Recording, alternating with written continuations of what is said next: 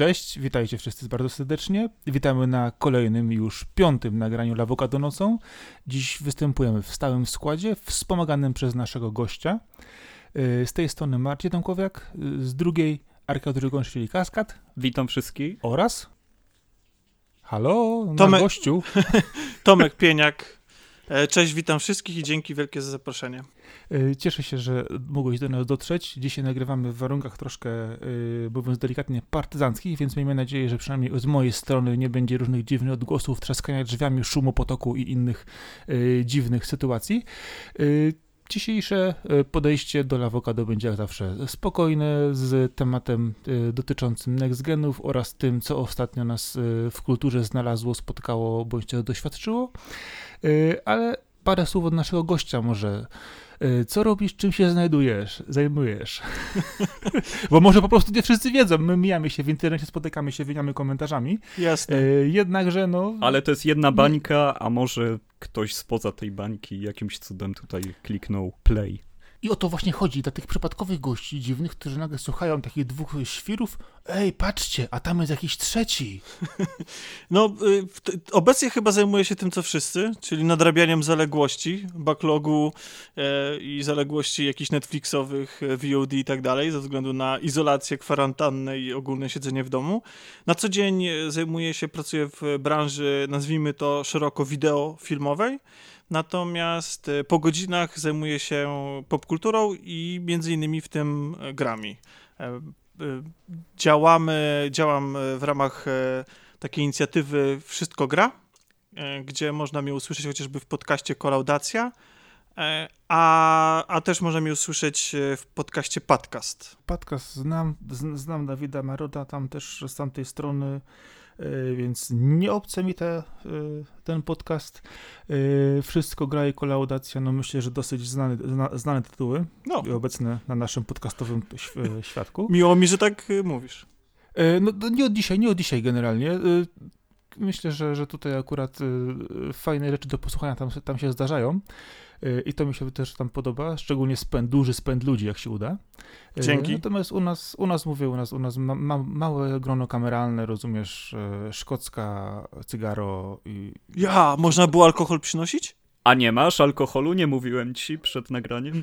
Bo kwestia jest taka, że Arek zawsze pije, a ja nie piję. I to jest właśnie to, że dzięki temu jest równo, bo Arek pije za dwóch. A, okej. okej. Robię co mogę, dzisiaj za trzech będę musiał, no ale...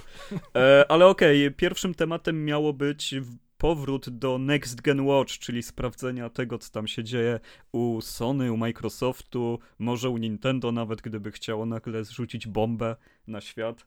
E, ale jeżeli chodzi o ten Wy, tydzień... wybuchłoby konfetti i byłaby różowym Kirby i wybuchłoby konfetti. Nie, Kirby by wciągnął świat, to będzie implozja wtedy, jeżeli Kirby e, zacznie walczyć z nami, z ludzkością. Ale na szczęście tego nie robi. W tym momencie Sony zapowiada, że ze względu na obecną sytuację ekonomiczno-ekonomiczną, e, PlayStation 5 co prawda ma się ukazać w tym roku, ale dostawy nie będą tak duże, jakby to było, jak to było w przypadku PS4. E, Szacuje się, że Play- PS4 w prawie 7 milionach miała pierwszy rzut, a tutaj będzie 5 milionów albo nawet niecałe 5. To są jeszcze wszystko kwestie rozwojowe. E, jaki macie do tego komentarz? Czy kogoś to martwi, czy kogoś to cieszy? E, co na to Microsoft może zrobić? Słucham was. E, Wiesz co, dwa pytania. E, Pierwsze jest takie, czy jak oni powiedzą od razu, że rzucą mniej, to się wszyscy obrażą i ich nie, nikt nie kupi? E, Czy będzie to opcja, że rzucamy mniej, to nagle ceny podskoczą w kosmos? Czy to po prostu będzie klasyczny strzał, marketingowy strzał w kolano z chałubicy, że nikogo to nie obejdzie? Nie wiem. Szczerze, powiem ci tak. I tak, i siak wszystko będzie zależeć od tytułów, które wypuszczą z, tym, z tą konsolą, a nie od ilości konsol jednak. Y, Też, też mi się tak wydaje.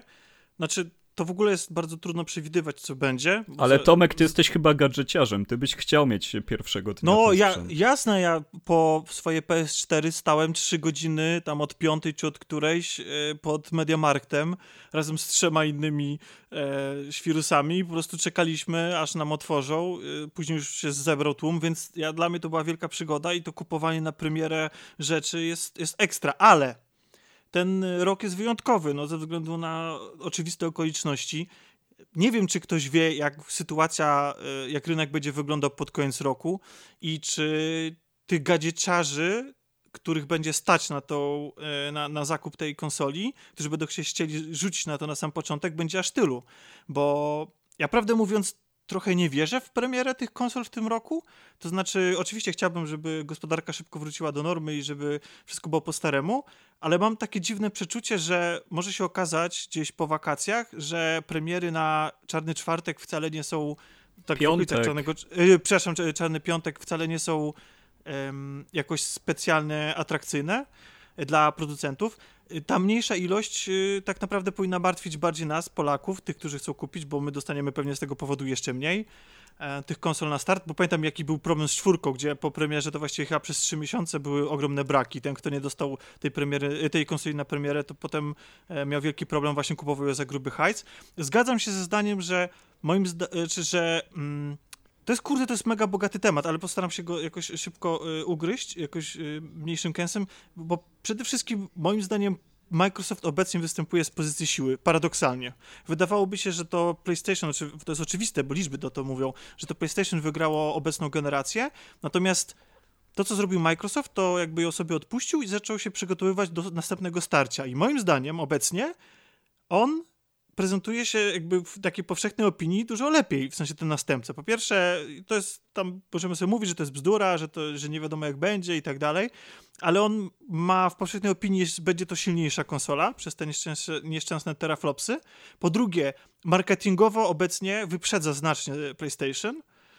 I może się okazać, że pod koniec roku, kiedy ludzie będą musieli zdecydować, jaką konsolę kupić sobie na start, to będzie właśnie to y, Xbox y, Series X, czy tam mają podobno zapowiedzieć y, Series S, nie, a nie PlayStation. I to nawet nie chodzi nawet o moc konsoli, tylko o tego nieszczęsnego Game Passa, który tak, ba tylko, tak bardzo się ludziom spodobał. Jest jeszcze inna kwestia, że osoby, które są tą siłą nabywczą na samym początku, to są najczęściej hardkorowcy, tacy ludzie, którzy śledzą branżę chociaż tyle o ile, że, żeby widzieć jakieś tam profile na Facebooku, e, może nie czytają jakichś tam analitycznych felietonów, ale i oni mają cały czas obraz e, tych wtop, które ciągną się za Microsoftem. Wydaje mi się, że e, zły początek generacji Xbox One cały czas będzie jakimś echem się odbijał. Tak samo jak to, że Sony jest w stanie e, zaatakować ekskluzywami, nawet je zapowiedzieć, że wyjdą za 3 lata, za 2 lata, jeżeli będzie im się palić pod nogami to, że i za 5 lat, ale zmontują jakiś trailer, pokażą, obiecają coś i, i ta siła marek jest e, w grach tak duża u Sony, że myślę, że są w stanie nią nadrobić bardzo, bardzo dużo rzeczy, które tak e, czysto tak stawiając jedno obok drugiego, Xbox ma lepiej, ale emocje, jakie wywołuje Sony i ich gry są zdecydowanie większe niż abonament na nawet tak dobry jak Game Pass. E, no, no mimo wszystko, tak ja mi się wydaje. Zastanowiłbym i, i, się... E, mogę? Jasne, Zastanowiłbym się jedną kwestią.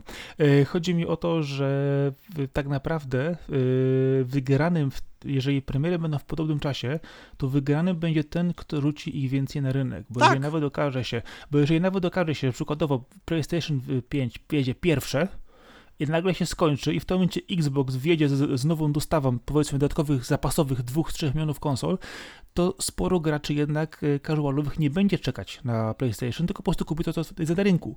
Chyba, że na przykład e, w tym czasie, kiedy skończą się konsoli, wjedzie na przykład Nintendo z, z konsolą Wii Wii U, Switch, Switch 3, e, której nie zapowiedział wcześniej i po prostu spróbuje rozwalić rynek, ale w to bym akurat nie wierzył, ale prawda jest taka, że I dosłownie graczy, nunczakami graczy, będziesz grał tam. Już tak, ale kwestia właśnie jest Kwestia jest taka, że w okolicach świąt y, będzie taki naprawdę pierwszy test dotyczący tego, kto co kupi i w jakiej ilości, bo to będzie tylko i wyłącznie zależało od dostępności. To, że gra, korowi gracze kupują konkretną konsolę, to jest niezmienne, natomiast mnóstwo osób y, casualowych i ludzi po prostu, którzy grają no po prostu dla samego grania standardowej FIFA, Need for Speeda, czy ewentualnie jakiegoś y, Fortnite'a, y, po prostu kupią co, co będzie na rynku, bo nie będzie im to robiło drastycznej y, różnicy, nawet jeżeli będzie Game Pass. Zgodzę się z tobą, bo chyba wyjdzie na to, że i jedna i druga konsola sprzeda wszystko przez pierwsze 3-4 miesiące, kiedy będzie rynek jeszcze nienasycony, jeszcze będą problemy z dostępnością. Wydaje mi się, że i Microsoft i Sony będą szli web w web. No, no chyba, że kwestia ceny będzie tutaj jakaś, e, no, będzie do, duża czy... różnica, no bo to, to będzie zawsze robiło no właśnie, no właśnie, tak naprawdę, jak, jak się przyjrzymy premierom wszystkich konsol, to wygrywa nawet nie ten, który jest, ma, ma, jest najmocniejszy albo ma najlepsze gry, czy tam ekskluzywy, tylko wygrywała ta konsola, która była pierwsza, powszechnie dostępna i oferowała lepszą cenę. Zobaczcie, co było przy PlayStation 3. Xbox wyszedł pierwszy, e, e, PlayStation się spóźniło i kosztowało fortunę. I, nie I dopiero potem nadrabiali to grami. Zobaczcie, co się stało przy PlayStation 4 i Xbox One to PlayStation wyszło może nie tyle pierwsze, co wyszło wszędzie. W tym samym czasie, no. Tak, a nie, a nie tak jak Xbox u nas, który był tam, wydaje mi się, że pół roku to mu zajęło, czy nawet więcej. E, więc był pierwszy na start, był na te święta i ludzie właśnie wykupowali. No oczywiście był mocniejszy, ale moim zdaniem to, y, i, PlayStation było mocniejsze, ale to już moim zdaniem nie ma to... Y, y, Śladowa różnica to była. Tak. Natomiast właśnie była, była i była tańsza tak? Zdaje się, a może nie tak, była tańsza? Tak, była, była, to... bo Xbox miał Kinecta, no. to było 100 dolarów różnicy, to Dokładnie. jest bardzo dużo.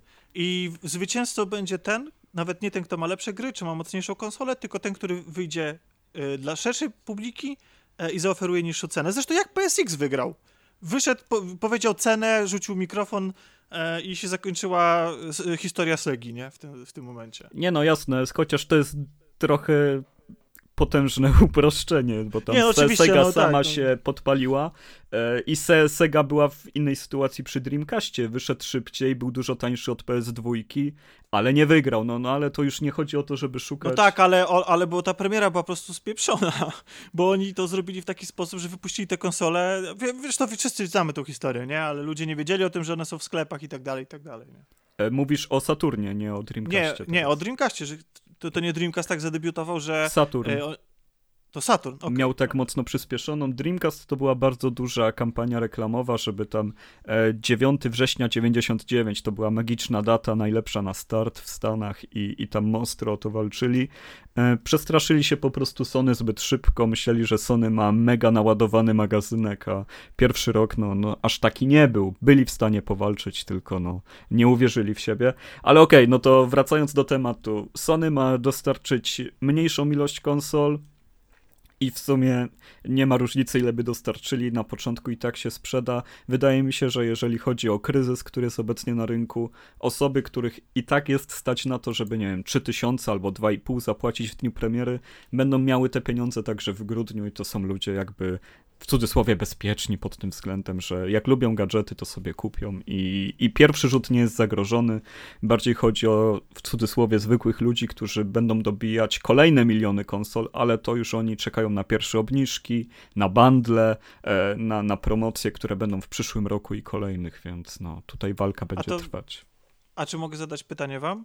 E, bo skoro PlayStation obecnie, znaczy wydaje nam się, że będzie walczyło głównie ekskluzywami, to jakie ekskluzywy na początek myślicie, że zaoferuje? Bo ja się zastanawiałem, przeglądałem te tytuły, które oni obecnie mają, marek, które żyją i te, które by faktycznie przyniosły jakiś profit.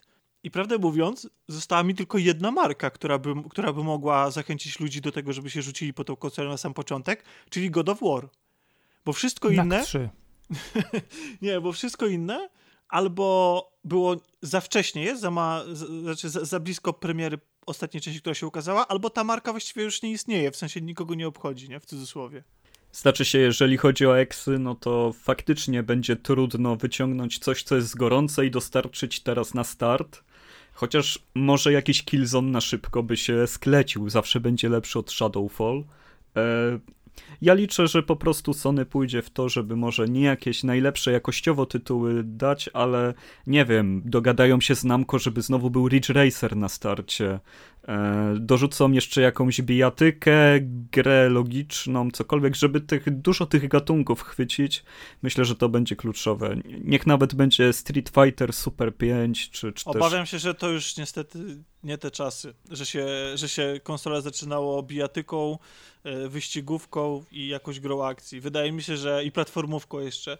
Wydaje mi się, że, że prędzej właśnie ten God of War albo y, Horizon. Nie, no to, to nie są gry na start, one nie będą gotowe w tym roku. No tutaj nie, nie ma co. Na takie molochy myślę, że na system seller będziemy czekać. Ani jedna, ani druga platforma nie wyjdzie no, z W takim przypadku to musiałbyś raczej, raczej dać chyba banda z jakimś Fortnite'em lub czymkolwiek innym w dobrej odsłonie żeby po prostu poszło to w, w gracza casualowego, a z drugiej strony patrząc obecnie wydaje mi się, że jeżeli nie wjadą z kolejną jakąś grą sportową, y, która będzie na czasie, bądź też strzelanką... No FIFA wyjdzie i Call of Duty, no będą. Tak, zawsze, dokładnie, tylko że poza tym nie, to, to, nie są ekskluzywy, to są tytuły, które wychodzą w sumie wszędzie, ale jeżeli oni na przykład nie puszczą y, gry typu, nie wiem, y, szmaciak, kolejna odsłona, albo nie wiem, bo nie sądzę, żeby, nie wiem, puścili jakieś zwłoki po Crashu Bo raczej, raczej to niemożliwe.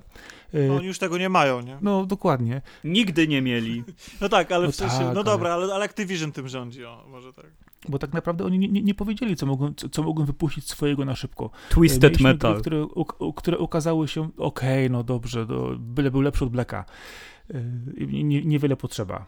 E, ale kwestia jest taka, że one tak e, nie są interpretowane w tej chwili od paru lat z konkretnymi markami. Jeżeli, jeżeli weźmiesz Microsoft, to możesz po prostu strzelać od razu kilka tytułów, e, które na się pojawiają i są kolejne odsłony, natomiast Sony eksperymentowało z jakimiś swoimi nowymi rzeczami w międzyczasie, ale nic z tego tak nie zagryzło jak, jak, jak wystarczająco mocno. Ale wiesz co, gdyby była promocja, że do każdego PS5 w okresie premierowym jest dorzucane Ghost of Tsushima i The Last of Us 2, to już to jakoś wygląda. Mogą po prostu generację sobie podebrać z końca tej. No I tak, to tylko że... Coś.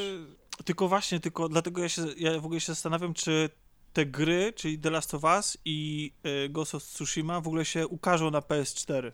A, a, nawet jeśli, a nawet jeśli się ukażą, to ukażą się dokładnie w tym samym momencie, w którym się ukażą na PS5. E, jestem przekonany, że, że, że Tsushima się przesunie, że, że nie zobaczymy w tym roku. I, I tak jak zresztą nie wiadomo jest premiera y, The Last of Us 2. I, y, bo, bo, i tylko, że w tym momencie bo zobaczcie, co zrobił Microsoft. Microsoft zrobił coś takiego, że oni powiedzieli jasno, że nie będzie ekskluzywów tylko na następną generację. To znaczy, że będą się ukazywały tytuły i one będą działały na wszystkich, znaczy na wszystkich, na, na Xbox One X i, i, i Xbox, i, Xbox One. I, czyli jakby zagrali w otwarte karty i teraz przyjdzie Sony, które pewnie nie pomyślało o tym, żeby w tak to zagrać i oni będą... Pytanie, czy, czy PS5 będzie atrakcyjna bez eksów? Bez eksów na PS5, w sensie, czy będzie atrakcyjna tylko dlatego, że możesz zagrać w 5 klatek więcej w Ghost of Tsushima, nie? Widziałeś teraz... tego pada? Dla mnie będzie. No ale to jest tylko pad w tym momencie. Ten pad potrafi, Wiesz, znaczy, będzie pokazywał okay. odczucia, które masz z trzymania za rękę Elizabeth w trzecim remake'u Bioshocka. E, przepraszam, porcie Bioshocka czy cokolwiek. Ale wiesz, kwestia jest też taka, że design w, Xboxie wiemy, jak będzie wyglądać. E, w, w PlayStation na razie jesteśmy tylko świadomi pada. E, do, do design może też do pewnej oso ilości osób zadziałać, ale jeżeli nie dostaniesz na tej konsoli nic, co ją tak naprawdę wyróżnia, to y, jedynym punktem wyjścia dla y, graczy korowych będzie to, co on bardziej lubi, co mu się bardziej podoba i co wyznaje. Y, natomiast dla graczy. Co jest tańsze. Tak, ale, tak, ale dla, to, to, jest, to jest dla graczy casualowych właśnie. Gracz, gracz casualowy musi dostać odpowiedniego bundla z grą w paczce, która będzie do niego przemawiać w ten czy inny sposób i musi wygrać to ceną. Y, I tutaj, y, nawet jeżeli Xboxów będzie więcej niż PlayStation, nawet jeżeli dziś powiedzmy te dostawy się poprzesuwają, jedna wejdzie później, druga wcześniej, coś, coś się stanie po drodze, bo tego nie możemy przewidzieć, to rozstrzygnie to okres świąteczny. Kto po prostu wstawi większą ilość standów i reklam do tych wszystkich wielkich sieciówek i konsol. I upchnie, i upchnie te konsole dokładnie na półkach i je sprzeda fizycznie, bo to się e, rozegra w tym miejscu. Wiadomo, że coraz więcej ludzi gra, więcej ludzi e, używa tych konsol do różnych rzeczy, e, ale cały czas wszystko wydaje mi się rozstrzyga się na tych casualowych graczach, którzy kupują konsole dla jednej gry, typu nie wiem, gram przez cały rok FIFA do, do następnej, niż na graczach, którzy kupują tych gier miesięcznie powiedzmy kilka, bo oni i tak będą je później kupować natomiast y, momentem kluczowym będzie właśnie ten okres wejścia tych dwóch konsol i tego po prostu, kto się lepiej naprawdę po prostu rozreklamuje i wiedzie po prostu w portfele y, normalnych użytkowników. Okej, okay, Sakora, mądrze mówisz, więc możemy tym zakończyć, mi się wydaje, ten temat, bo e, newsa rozwlekliśmy bardzo mocno, bardzo dobrze, bardzo głęboko. E, kolejną e, kwestią w Next Gen Watch naszym regularnym jest to, że ten Xbox Series X. Regularnym i regularniku. E, ma, ma nowe logo, które wygląda jak wielkie X, i, i tutaj nie wiem, czy jakiś komentarz od Was dostanę na to. Mi się już literka X znudziła w roku 2001, wszędzie dodawana, ale no Powiedzcie coś od siebie. Wiesz co, e, dla mnie X istnieje tylko jedno przy, przy The X-Files, to było dawno temu, w latach 90. jeszcze. E, natomiast jeżeli chodzi o Xbox, to ja jestem generalnie zmęczony ich nazewnictwem, ich ilością konsol, wersje XS, ABCD, EF. Oni są gorsi od Nintendo w tym, e, trzeba powiedzieć. Ale po prostu to jest, ja po prostu się w tym gubię. Potem wersja z napędem, bez napędu, z dyskiem, bez dysku, tylko sieciowa, niesieciowa, biała, czerwona, czarna, zielona, pomarańczowa w ciapki E, ja cię kręcę. Ja generalnie jestem e, w tym temacie powiedzmy dosyć opatrzony, czyli jestem w stanie stwierdzić, ta konsola jest taka, ta konsola jest siaka, ta ma to, ta ma tampo, tamto, ale jeżeli oni e, znowu zaczną szaleć z ilością modeli konsol, pomimo tego, że teraz stosunkowo są tego dwie na patelni, ale zaraz się rozszają do kolejnych pięciu, sześciu modeli, które tak naprawdę nie wiadomo czym się będą różnić, to ok, będą mi sprzedawać więcej yy, gracze, którzy chcą po prostu grać do samego grania casualowi, może je pokupują, bo ok, da się wyciąć coś z konsoli, będzie tańsza, ale jeżeli oni mają zamiar później wrzucać ten piękny X na wszystko po kolei i każdy X będzie taki sam na każdej konsoli, ale na jednej będzie X, na, na drugiej będzie XXX, to myślę, że ta z tymi trzema Xami sprawdza się lepiej. No to jest trochę sytuacja jak z Wii U, jakby nie, nie wyciągnęli wniosków. Microsoft ma ciągle problem z tym, że gdyby normalnie numerował konsolę, to byłby jeden jeden numerek do tyłu względem PlayStation. Myślę, że to ich ciągle boli, że jakby teraz miał wyjść Xbox 5, to by było ok, ale by musieli wydać Xboxa 4 i to już im bardzo mocno uwiera. E, nie wiem, czy to nazewnictwo będzie na samym końcu kluczowe, ale zarówno to nowe logo, które jest po prostu X e, z przedzieloną jedną jakby e, kreską, no to jak na razie no, no jestem sceptyczny. Szkoda, że Microsoft nie trzyma się jednego logo od samego początku, nie wymyślił czegoś tak dobrego, bo to PlayStation też takie duże P z eską obróconą z tyłu jest tak ikoniczne. Jest to jeden z najbardziej popularnych logotypów świata. Myślę, że możemy go stawiać koło Swisha Nike i, i koło Adidasa i tak dalej, a, a Xbox czegoś takiego nie ma. No nie wiem, czemu taka firma tak bogata nie dba o takie rzeczy. Znaczy, X, znaczy X, zwróć uwagę, że Xbox wrzuca sobie te nowe Xy, ale tym rozpoznawalnym znakiem Xa jest ten, który masz na padzie, ten w kółku z tym X-em przekrzywonym, rozszczelonym. Ale to też się zmienia. Ten, yy, tak, ale, ale ten znak jednak jest najdłużej obecny. No to prawda, ale, on, ale nie wytrzymał od, od, początku, samej... a Sony wytrzymał nie. i to jest bardzo fajne według mnie, coś co może też na końcu jakiś tam procent im dodać.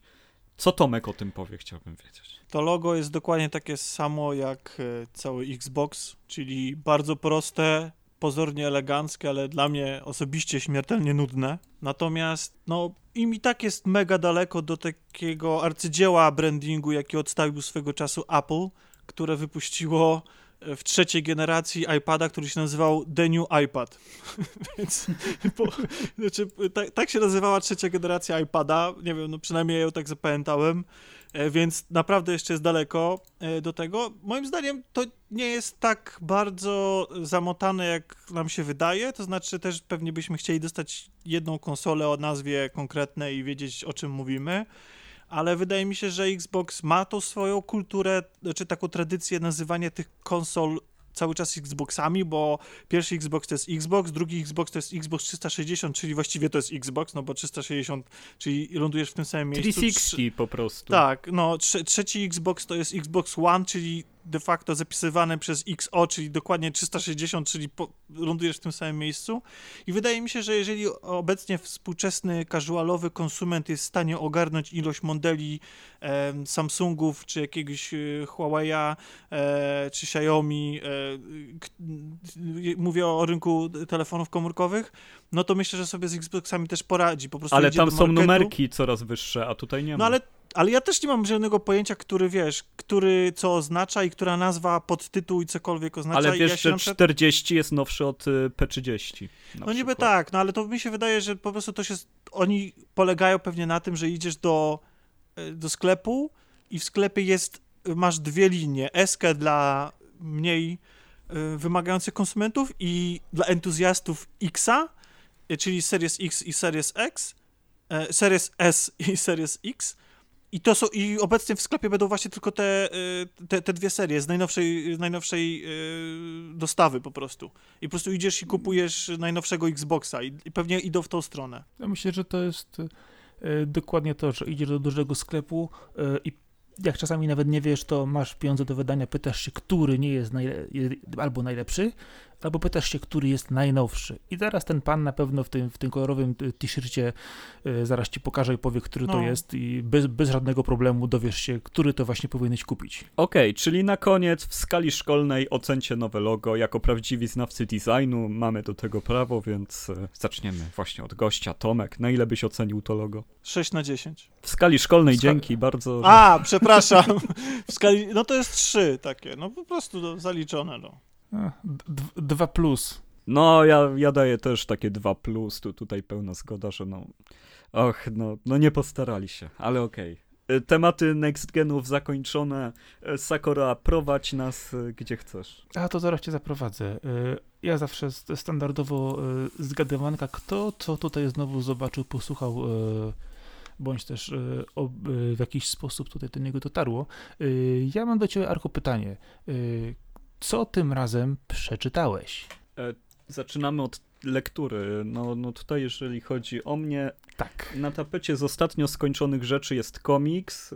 E, jest to komiks Dobranoc Punpunie, gdzie jest właśnie bohater o takim e, śmieszno uroczym imieniu Punpun. Jest to manga autora, który, którego imię musiałem sobie zapisać i nazwisko, żeby się nie pomylić, Inio Asano. E, jest to autor, który jest też, e, wydawane są inne jego prace w Polsce. E, odniósł bardzo duży sukces, dzięki któremu tylko mógł sobie pozwolić na wydanie Dobranoc Punpunie, ponieważ poprzednie jego prace były dosyć lekkie, krótkie, a Dobranoc Punpunie to już jest taka dosyć spora epopeja dziejowa, rozgrywająca się na przestrzeni wielu lat. No i jest to dosyć mroczno-gorzki komiks, ale też z elementami humoru. E, w skrócie poznajemy tutaj chłopca, który ma 10 lat. To jest właśnie tytułowy Punpun. I przy hiperrealistycznych, przepięknie narysowanych, na, naprawdę, jeżeli gdzieś obejrzycie sobie skany e, z tego komiksu, to musicie docenić to, jak e, dokładna jest ta, ta kreska, jak poszedł autor w hiperrealizm. To jednak postać samego Punpuna to jest prosty ptaszek, dosłownie taki ptako-człowiek, którego mógłby narysować 3-4-letni, o 5-letni dziecko może. E, I ten Punpun właśnie taki zachuchany w szaliczku, który biega dookoła swoich rodziców, którzy mają totalnie patologiczne relacje. Chodzi do szkoły, w której się zakochuje w dziewczynie, która potem e, odchodzi z tej szkoły. Na jej miejsce pokazuje się nowa, w której domu jest jeszcze gorzej. E, krąży po innych domach, jak wyznawca jakiejś sekty ze swoją matką, dają jakieś broszurki.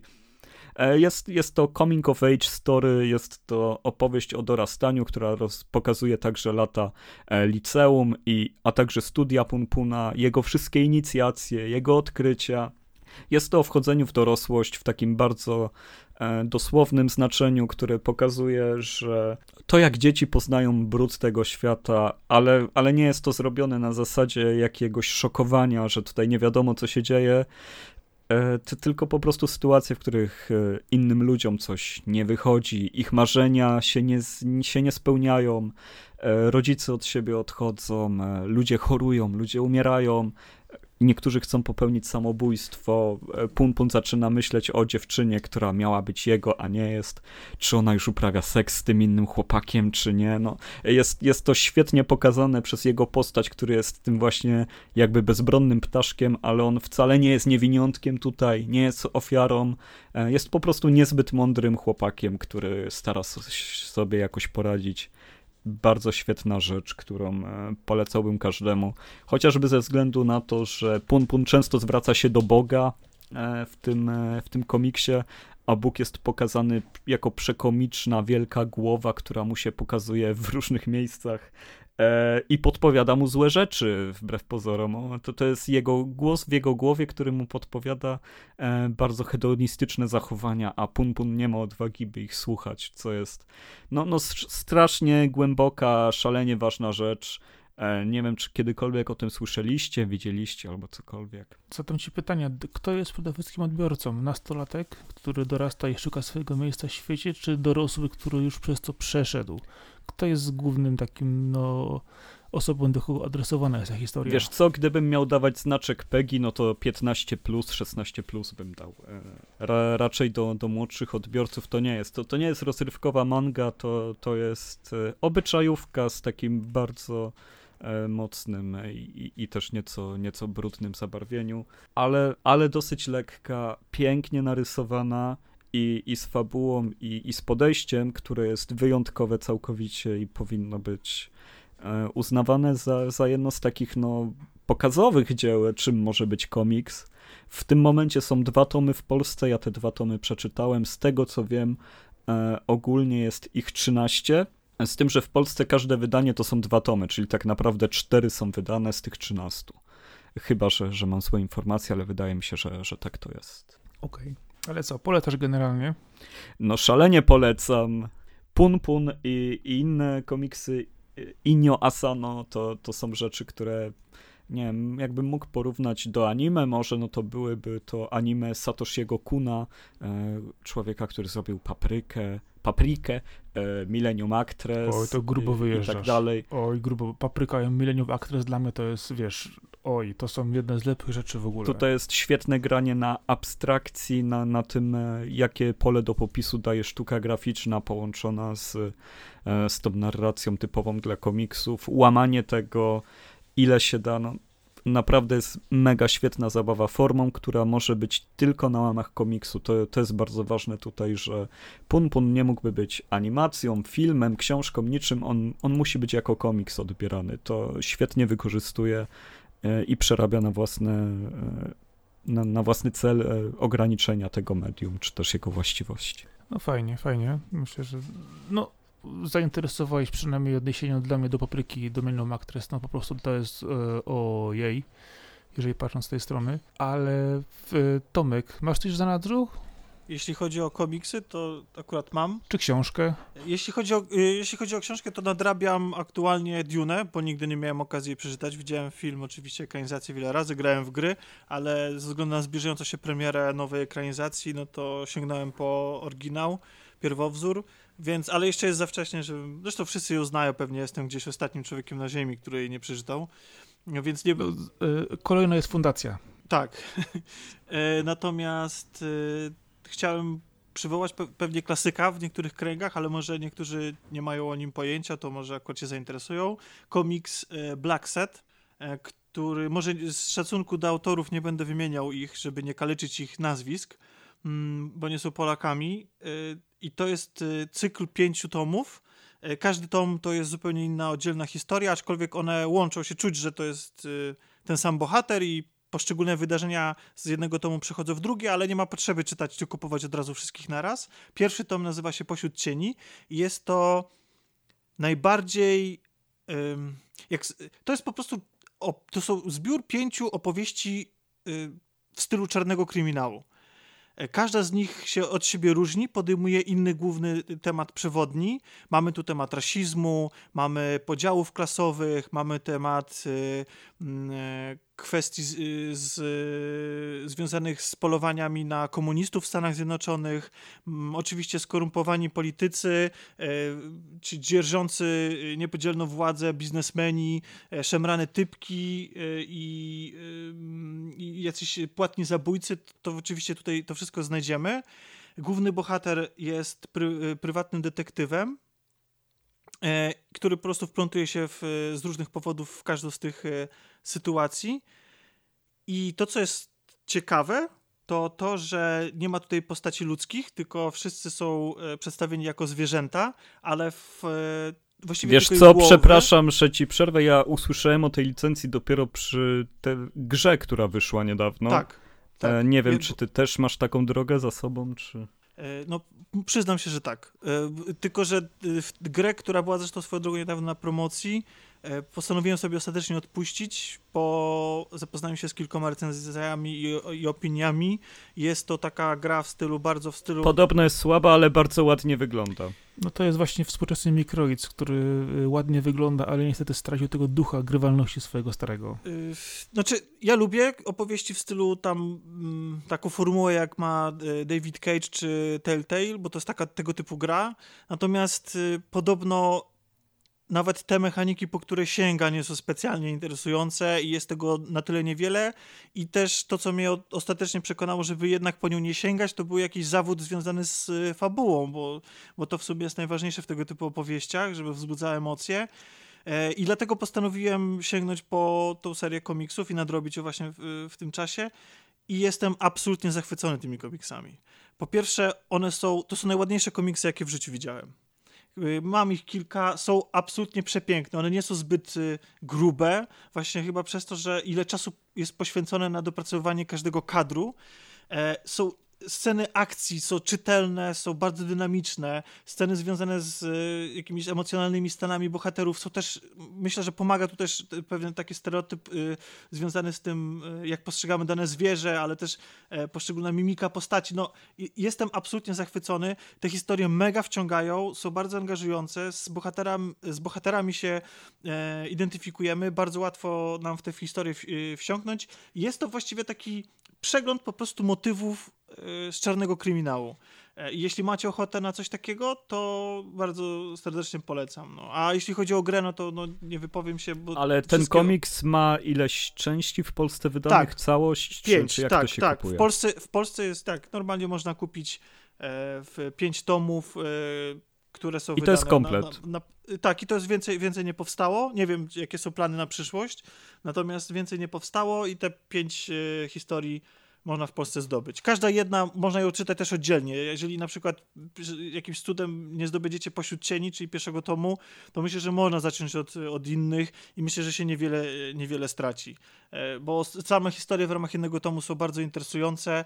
E, no i oczywiście, no wiecie, no jak to czarne kryminały, są bardzo gorzkie, e, pokazują tą brudną stronę świata, ludzkiej natury, czy masz mm. jakieś porównanie do Sin City na przykład? E, nie, to, to cię, nie, komiks jest brutalny, e, ale, ale nie, to jest dalekie od Sin City, w sensie to nie jest aż, to jest, e, no to Sin City jest pewną karykaturą, znaczy w sensie jest, jest pewnym takim zwielokrotnieniem tak, wszystkich zjawisk. Wszystko jest tam ultra brutalne, ultra wulgarne. Wszystko jest przerysowane do granic y, możliwości.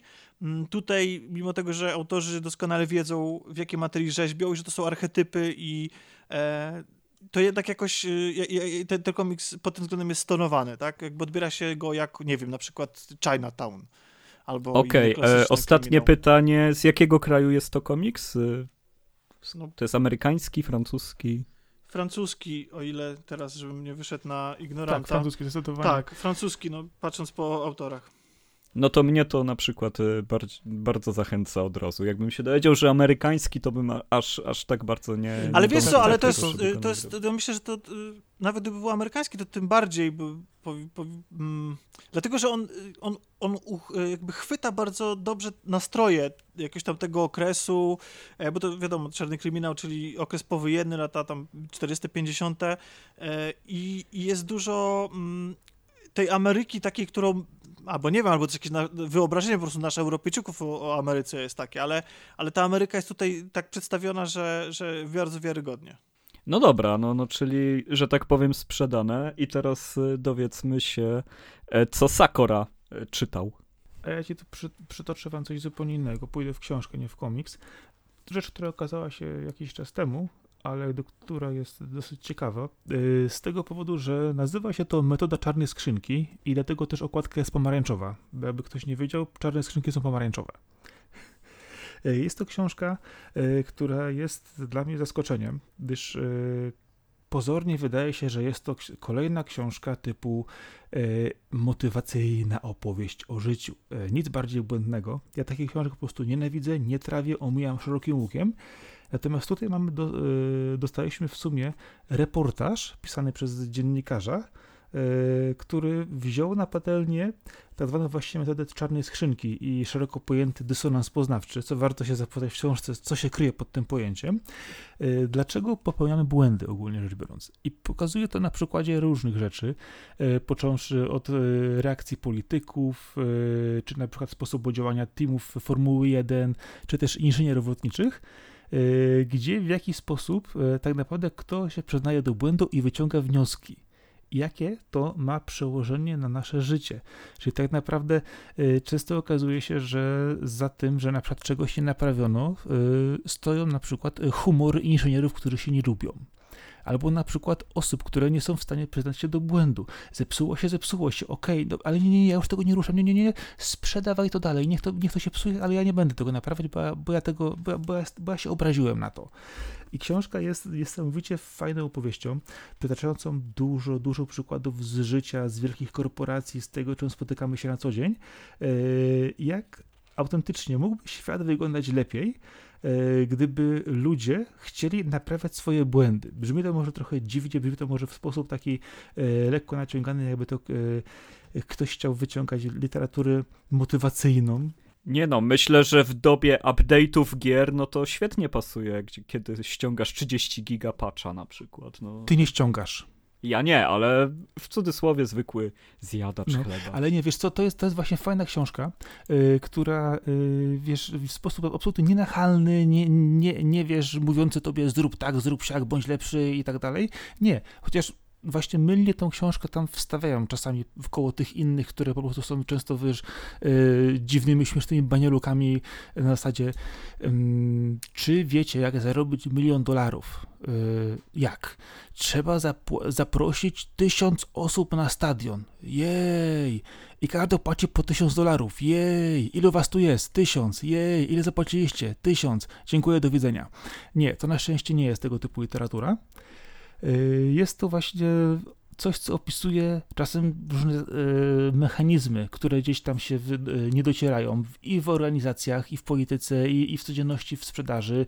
Opisuje sposoby, w jaki, jak sobie radzą z tym e, różne firmy czy różne osoby i przykłady, które są po prostu pokazywane tam czasami po prostu aż autentycznie powodują, że człowiek po prostu chwyta się za głowę i zastanawia się, w jaki sposób do tego doszło. Czy to na przykład począwszy, nie wiem, od Tonego Blaira i inwazję w Jak, jaki był zły przepływ informacji i jak się nie chciał ktoś przyznać do tego, co wiedział, co nie wie, e, czy na przykład w jaki sposób dochodziło do katastrof samolotów e, i w jaki sposób i dlaczego na przykład ktoś jakiegoś błędu nie naprawił, bądź też na przykład dlaczego nie wyeliminował go później.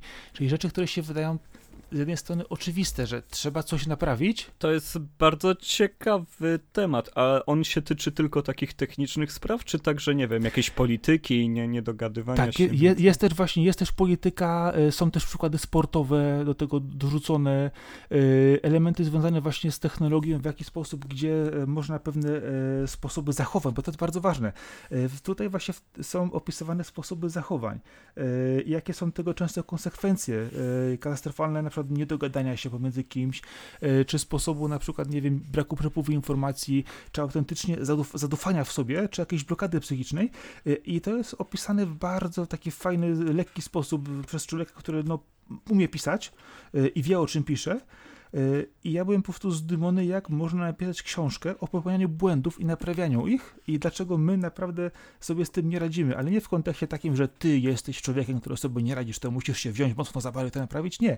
On pokazuje mechanizmy w sposób y, zrozumiały dla każdego, y, prześwietla je i powoduje, że człowiek czytając to autentycznie mówi, o mój Boże, oni naprawdę tak to zrobili, albo oni tego nie zrobili, bo to się wydaje takie oczywiste. A okazuje się, że często y, gdzieś tam za y, jakimś błędem czy wypadkiem y, stoją na przykład pieniądze, oczywiście najprostszy argument, ale stoją na przykład jakieś niedomówienia, czy to po prostu to, że ktoś autentycznie nie chce nawet w wielkiej korporacji czy w wielkiej firmie przyznać się do błędu i to powoduje, że nie jest naprawiony.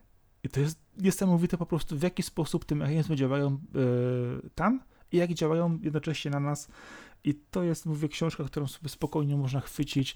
E, to jest autorem jest Matthew Said, e, Metoda czarnej skrzynki, czyli zaskakująca prawda o błędach i naturze sukcesu. Tytuł jest straszny, książka jest pomarańczowa, pociąga uwagę, ale zawartość jest jak najbardziej e, wciągająca i imponująca pod względem na przykład zgromadzonych przykładów czy sposobów opisania i kwestii, które no, wydają się być no, dotykające nas na każdym kroku, czyli coś się zepsuło i sposoby, jak, się, jak sobie z tym radzą często też na przykład różne kraje, czy na przykład jak wyglądał kryzys ropy w jakimś momencie i dlaczego on w ogóle się pojawił. Brzmi super, ja bardzo lubię takie Warto rzeczy. się po prostu poczytać, bo jest niesamowicie napisane fajnie i tematy, które tam są, często wydawałoby nam się, że słyszeliśmy o nich na przykład w wiadomościach lub widzieliśmy coś, a źródłem, źródła tych problemów są e, zupełnie inne niż nam się na przykład wydawało tak z tego, co słyszymy naokoło. Fajna rzecz, no, polecam. No taka jest prawda, no ludzie są coraz e, mądrzejsi, mają coraz lepszy sprzęt, więcej pieniędzy, ale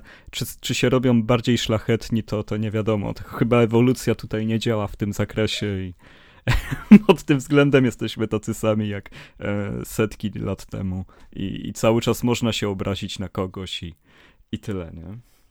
No, ale to właśnie, właśnie, właśnie to jest to, Albo na coś. To jest, tak, i właśnie jest sposób prześwietlenia tych mechanizmów i pokazania, jak to w rzeczywistości działa, co, z czego e, podświadomie my sobie zdajemy niejako wyjść sprawę, ale kiedy ktoś nam po prostu bardziej to wyłoży i, i pokaże, e, gdzie na przykład coś kuleje, no, to jest po prostu szokujące. Czasami w jaki sposób autentycznie czasami w tym świecie nast następowały katastrofy w wyniku zaniedbań czy jakiegoś błędu inżynierskiego i jak to nas dotyka, a co gorsze, że czasami nikt z tym autentycznie nic nie robi. I to jest przerażające. No a co gorsza, jeszcze jest setki przykładów, których w tej książce nie ma, są też pewnie poważne i o nich nigdy się nie dowiemy.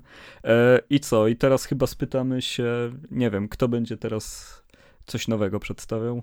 Może damy wolną rękę naszemu gościowi i zapytamy się, e, czy chce powiedzieć, e, w co grał, czy co oglądał. Z oglądaniem to będzie problem, bo oglądam wszystko ze względu na, na, na, trochę większą ilość czasu, więc nie wiem, właściwie nie mam pojęcia za co się złapać i co polecić, więc powiem tylko tyle, że wczoraj obejrzałem, nadrobiłem w końcu Ptaki Nocy, tudzież po zmianie tytułu Harley Quinn. E, i bardzo mi się podobał, więc jeżeli, znaczy zachęcam po prostu do spróbowania, do zmierzenia się z tym filmem, on się pojawił na polskich, znaczy na dostępnych w Polsce VOD e, do wypożyczenia, jeszcze nie jest takim abonamentowym streamingu.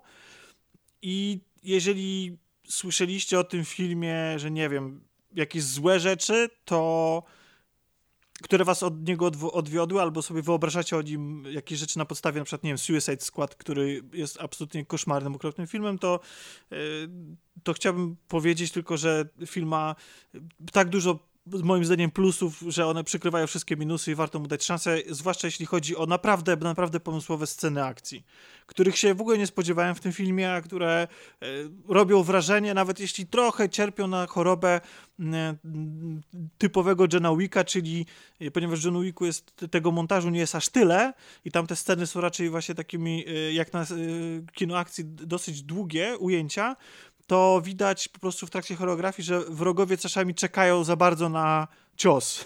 I tutaj też czasami się to zdarza, ale wynagradza to samą pomysłowość tych ciosów i w ogóle cała aranżacja y, tych scen, y, plus y, bardzo fajne bohaterki, E, których chciałbym poznać jeszcze bardziej i jeszcze dłużej widzieć na ekranie, są naprawdę mm, odjazdowe i naprawdę nieźle kopią tyłki e, i właściwie jedyne, co mam tak naprawdę do zarzucenia, to e, chyba niekoniecznie Iwan McGregor powinien być obsadzony w roli, w której wystąpił. Jest jedna dosyć dziwaczna scena z nim, w klubie, który nie rozumiem dlaczego ta scena w ogóle nie została jakby wycięta na montażu. Jest, jest naprawdę dziwaczna, ale nawet to się da przełknąć e, i mm, polecam po prostu, żeby, żeby dać. Czy jest to twój ulubiony film z uniwersum DC? No nie, chyba nie, nie wiem. Znaczy na, na pewno na pewno jest. Yy nie, nie, nie, nie, ciężko mi powiedzieć, bo ja uwielbiam, znaczy mówisz o tym nowym uniwersum, bo ja na przykład uwielbiam te bartonowskie y, Batmany. O, tak, no to w ogóle bezkonkurencyjne. No tak, no już y, powiedzmy, że nie bierzemy pod uwagę Batmanów także Nolana. Wiesz co, Ja, ja ich w ogóle nie biorę No to nie, no to, no to rozumiem, że nie jesteście fanami. Ja uważam, że jednym... Nie, nie, nie, nie jestem fanem Nolana, ale jeżeli chodzi o Bartona i Keatona, to jest po prostu majstersztyk. Ja byłem w kinie, mając, e, będąc małym chłopakiem, byłem w kinie na pierwszym Batmanie. To jest dla mnie legenda do dzisiaj.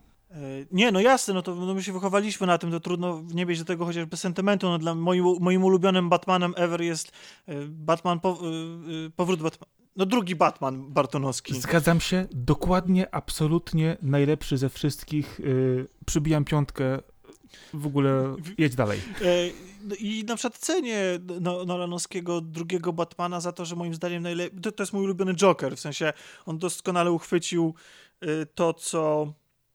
To, co w tej postaci jest najbardziej przerażające, i, i, i, i mi się bardzo podoba ten Joker. Nie jestem fanem realistycznego skarania settingu.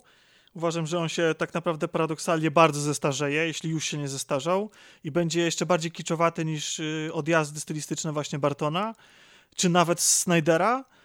Mm, więc myślę, jest, jest w topie. No chyba tak. No może to jest mój ulubiony film, kurde. Aż. No to chyba tak. Niskobudżetowy, bo żebyście się nie nastawiali na widowisko w stylu właśnie Batmanowych, y, czy nawet Suicide Squad. To jest czuć niski budżet, ale jest nadrabiany sercem. I tego, że wszyscy, którzy są na planie, widać było, że mieli ogrom radochy z kręcenia tego filmu. No, ja czekam osobiście na Wonder Woman 84, bo zajawka, którą wypuścili jakiś czas temu, po prostu z muzyką mnie rozbiła, ale wiadomo, to jest tylko zajawka na razie. Bardzo mi się to podoba, sposób realizacji.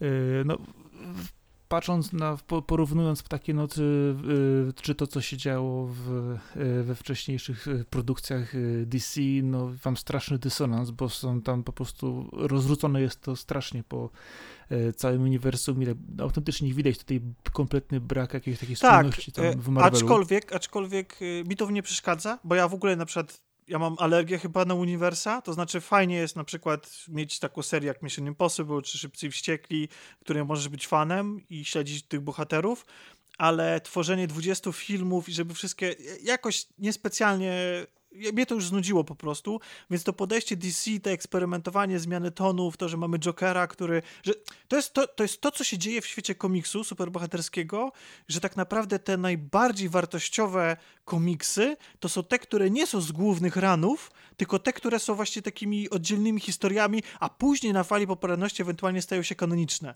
Jak nie wiem, w Spider-Manie Niebieski, e, czy, powró- Oj, czy, tak. powrót Bat- czy powrót Batmana, e, czy... One-shoty są zdecydowanie Dokładnie. najlepsze w no, komiksach. Torment Spidermana tak samo u nas, no, były takie rzeczy, które się Ale wymykały. też jeżeli powiemy o tych filmach, to uważam, że jeżeli chodzi o samą realizację, filmy DC mają zdecydowanie lepsze szczęście, czy też oko do, do kręcenia pojedynczych scen i do kadrów, do, do Tak, tych tak. ujęć, ale nie potrafią złożyć tego także w całe filmy. Te filmy całe są dla mnie przerywane właśnie między e, kolejnym świetnym ujęciem i sceną, a, a potem trochę jakby poziom spada i znowu, a Marvel jest za to cały czas taki średni, e, z fatalnym CGI-em, ale no, no jako, jakoś ta, ta bardziej płynnie to idzie i no zdecydowanie bardziej wolę podejście DC, gdzie przynajmniej raz na jakiś czas jestem czymś zaskoczony, a, a Marvel jest Zgadzam nudny. się. I jak najbardziej do czasu, jak Superman nie krzyczy Marta, jest wszystko dobrze. aczkolwiek, aczkolwiek, jeszcze tylko wracając do Ptaków Nocy, to jest film, który nie odżegnuje się od tego, że jest w jakiś sposób być może połączoną, k- y, czy jakąś kontynuacją e, po Suicide Squad. To znaczy, jest tam mrugnięcia okiem, pojawiają się pewne sceny w retrospekcjach, ujęcia, albo na przykład e, elementy stroju, czy coś takiego, który daje nam do zrozumienia, że to jest niby ta sama e, Harley Quinn. No to fajnie. To Nie ukrywam, że, że właśnie też miałem wątpliwości odnośnie tego tytułu, bo słyszałem z jednej strony, że e, jedni mówili, że właśnie McGregor jest fajny, drudzy, że nie, kolejni mieli problem z feminizmem, e, następna osoba z budżetem. E, cieszy mnie takie wyważone zdanie, bo same wątpliwości, a tym bardziej pamiętając serial, który kiedyś wyprodukowali parę części sprzed prawie no, sprzed kilkunastu lat, no nie byłem fanem tej marki, ale jak tak mówisz, no to chyba sobie obejrzę. Znaczy, jeżeli nie masz alergii na kino, które jest głośne y, i kiczowate i jest tego świadome i lubi łamać czwartą ścianę i uważa, że jest fajne, jest tego świadome i chce tą fajność nam pokazać w stylu, nie wiem, Deadpool na przykład, no to, to myślę, że można się na tym dobrze bawić. Y, Natomiast, no to żeby nie było, to nie jest jakiś... y, objawienie, tak, w ogóle jakby Mesjasz, ale, ale myślę, że, że warto dać temu filmowi szansę. Na moją odpowiedzialność. Nie, ja, ja, generalnie wychodzę z założenia, że w kino właśnie musi mieć jakiś przytup, musi coś sobie pokazać, yy, dobrą zabawę po prostu zaoferować i po prostu, nie wiem, rozkręcić to yy, całą imprezę, no bo taka jest prawda, że tym bardziej, no w przypadku filmu, filmu kinowego to po prostu musi huczeć, buczeć i dobrze wyglądać i myślę, że jeżeli, jeżeli odbiór jest odpowiedni, no to spoko, nie mam z tym najmniejszego problemu. No spoko. Nie, nie wiem, czy mam jeszcze o grze mówić, czy już wyczerpałem swój limit. No nie, no bo ja chciałem jeszcze powiedzieć o filmie. A, no to już. Bo, yy, odświeżam sobie, y, korzystając z Netflixa, yy, filmy Ghibli. I tak kopałem, kopałem, kopałem i okazało się, że ja jednak jednego nie widziałem.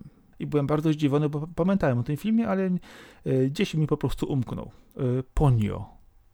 O, ciekawe. Czyli historia, Akurat czyli historia, yy, Wiesz co, właśnie o to chodzi, że yy, gdzieś mi to uciekało, bo kwestia jest taka, że mimo że to jest Hayao Miyazaki, to film jest trochę inny stylistycznie. Wiadomo, Ghibli ma to do siebie, że ma pewną tą swoją stylistykę yy, dotyczącą powiedzmy osadzenia historii plus minus w, yy, w steam, steampunkowej pierwszej wojny światowej, gdzie mamy te sporo tytułów Mamy, mamy tytuły, które są w, współcześnie, bądź też dzieją się tam w, w niedalekiej e, przeszłości, które są dramatami. E, w dużych e, takich tytułach mamy ten, mówię, to, są też tytuły właśnie, które czasami nie pasują. E, czyli na przykład e, masz Toponio, e, czy na przykład można by to wziąć sobie książkę Kaguje na przykład jeszcze, czyli filmy, To które... jest świetny film, niedawno widziałem. Tak, ale właśnie o to chodzi, że one, czy na przykład Rodzinkę Jamadów, które zupełnie wyglądają inaczej. Znaczy, mi, mi, się to podoba, że film jest zrealizowany w trochę innej stylistyce, trochę inaczej pokazany i właśnie Ponio też jest takie. Wiele temu filmowi wcześniej słyszałem zarzucano, że to niby jest płaski, że niby jest dla dzieci, że niby to nie, to, to nie jest Ghibli, że to jest jakieś inne, że to robili po łebkach, że ta kreska jest niby jakaś prostsza, inna. A ja sobie po prostu osiadłem spokojnie do tego ponio i bawiłem się po prostu świetnie. Tak samo jak e, ten główny bohater pięcioletni, który znajduje na brzegu morza rybkę, która ma twarz. No i się zaczyna cała niesamowita historia e, opowieści właśnie przyjaźni tego chłopca, czyli Sosuke z Ponio, którą oczywiście on dał imię Ponio, bo wcześniej dowiadujemy się, że ma na imię tak naprawdę Brunhilda. Ale ten fakt możemy pominąć.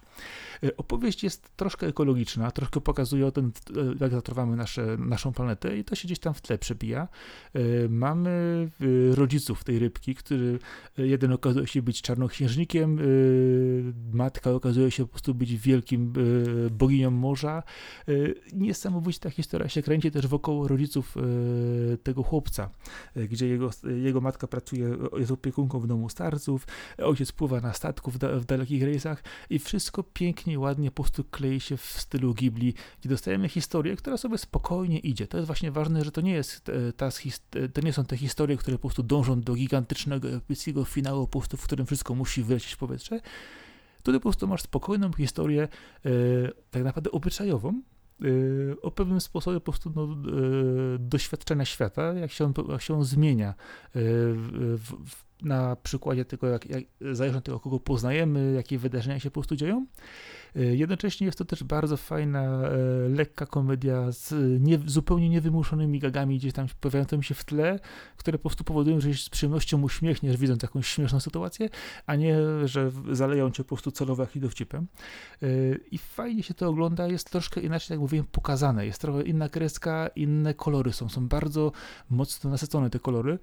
Dostajemy mnóstwo postaci na drugim planie, jak to właśnie często jest w Ghibli widoczne, czyli na przykład przykład grupę e, takich lekko zrzędliwych, ale fajnych staruszek w tym domu, e, matkę głównego bohatera, która po prostu ma zapędy na autentycznie szalonego rajdowca, mamy ludzi pracujących w porcie i wszystko to razem, po prostu te losy ich się łączą Czyli po prostu znowu się okazało, że jest to czas spędzony jakby z najwyższej jakości rozrywką. Tak Autentycznie tak, tak, dokładnie, a miałem pewne wątpliwości, bo patrzyłem na te zajawki, w zajawkach tego tak nie widać, wydaje się takie uproszczone, takie dziwne, trochę rozciągnięte, dość to nie by nie pasowało, ale animacja pomimo tego, że może jest troszkę mniej szczegółów w kadrach, czy w pewnych jakichś takich ujęciach, to animacja jest śliczna, płynna, świetna, świetnie to wygląda. Jak zobaczysz po prostu momentami e, ponią po prostu biegającą po morzu w akompaniamencie e, szalejących wokół niej gigantycznych ryb, no to wygląda świetnie i historia po prostu jest bardzo ciepła, bardzo pięknie zrobiona. E, autentycznie, jeżeli ktoś chce sobie sięgnąć po film Ghibli, może po prostu ponią sobie spokojnie wziąć, to jest dokładnie idealnie mieści się w tym charakterze, czyli opowieści pełnej emocji i pięknie zekranizowanej. Chętnie na drobie, bo... To co, kolej na, na mój film, tak? Czy, czy tutaj? Atomek, słucham cię. Nie, nie, ja tylko chciałem powiedzieć, że, że na drobie, bo też ten film mi akurat uciekł, więc...